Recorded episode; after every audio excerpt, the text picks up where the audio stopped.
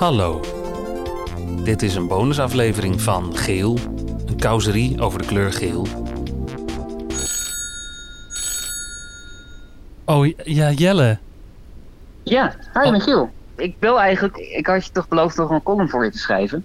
Oh echt, oh fuck. Fijn was hij hè, Geel 12.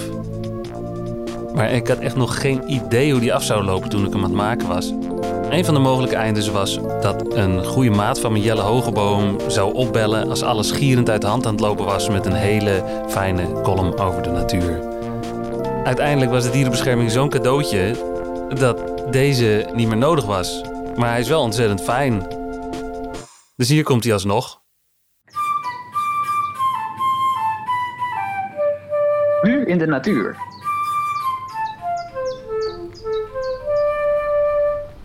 Gele herfst.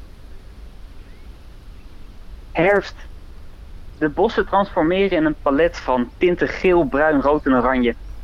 Topdrukte in de natuur, want wij mensen houden enorm van die veranderende kleuren. Het is niet dat blaadjes nu geel worden. Ze waren het altijd al. Je ziet het alleen niet omdat het groen normaliter overheerst. De kleur van bladeren wordt grotendeels bepaald door chlorofiel, de stof in bladgroenkorrels die de fotosynthese mogelijk maakt. Het absorbeert zowel het blauwe als het rode deel van het licht, maar niet het groene. Dat wordt teruggekaatst. Maar bladeren bevatten ook andere pigmenten. Carotenoïden, als in carrot, dus de stof die pintjes oranje maakt. En xanthofiel, van het Griekse woord voor geel, xanthos. Zij vangen wat van de blauwe en groene lichtkruimels op die chlorofiel laat schieten. Chlorofiel is vele malen beter in het absorberen van licht, maar kost ook veel energie om te produceren. Als de dagen korter worden en de temperatuur daalt, wordt het groen afgebroken en komen de andere kleuren tevoorschijn. Soms kom je ook bomen met rode blaadjes tegen. Die zijn een van de grootste raadsels van de natuur.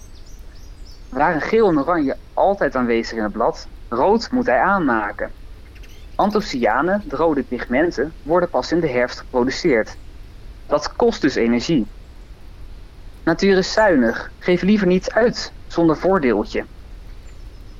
Over waarom rood loof loont zijn vele ideeën. Anthocyanen voorkomen bijvoorbeeld lichtschade. En wellicht werkt de rode kleur ook als een neelreclame om vogels te lokken naar rijpe bessen. Maar het raadsel heeft een diepere laag. Overwegend oranje-gele bossen zijn een typisch Europees verschijnsel. In Noord-Amerika is rood de voornaamste kleur. Vooral New England is beroemd om zijn vuurrode esdoornbossen. Er is een hypothese. Het viel deskundigen op dat bladluizen eerder eitjes leggen op gele dan op rode blaadjes. Rood beschermt ze ook tegen insectenplagen.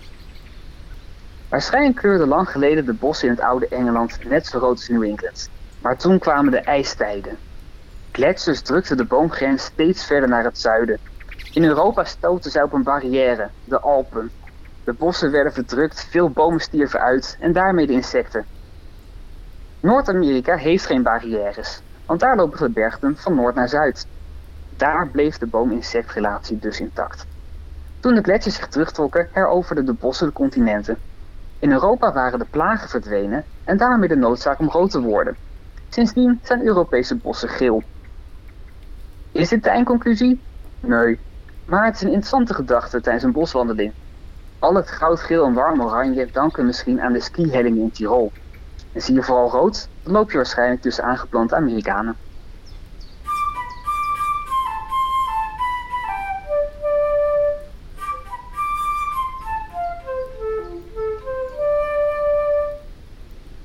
Alleen, ehm, ja, ik las net de Volkskrant en daarin staat precies het tegenovergestelde van wat ik heb opgeschreven.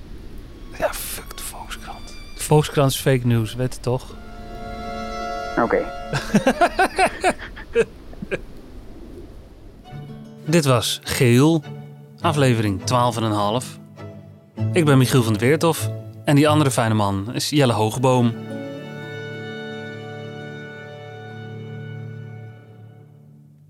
Welkom bij de dierenbescherming. Goedemiddag, gesprek bij de dierenbeschermer. Goedemiddag, met Michiel van der Weerten van de podcast Geel. Hebben jullie mijn bloemetje ontvangen? Hm, daar ga ik ja opzeggen. Jullie hebben mijn bloemetje ontvangen? Goed hè? en ehm, mijn collega is er erg blij mee. Met dank aan bloemenkiosk Barbara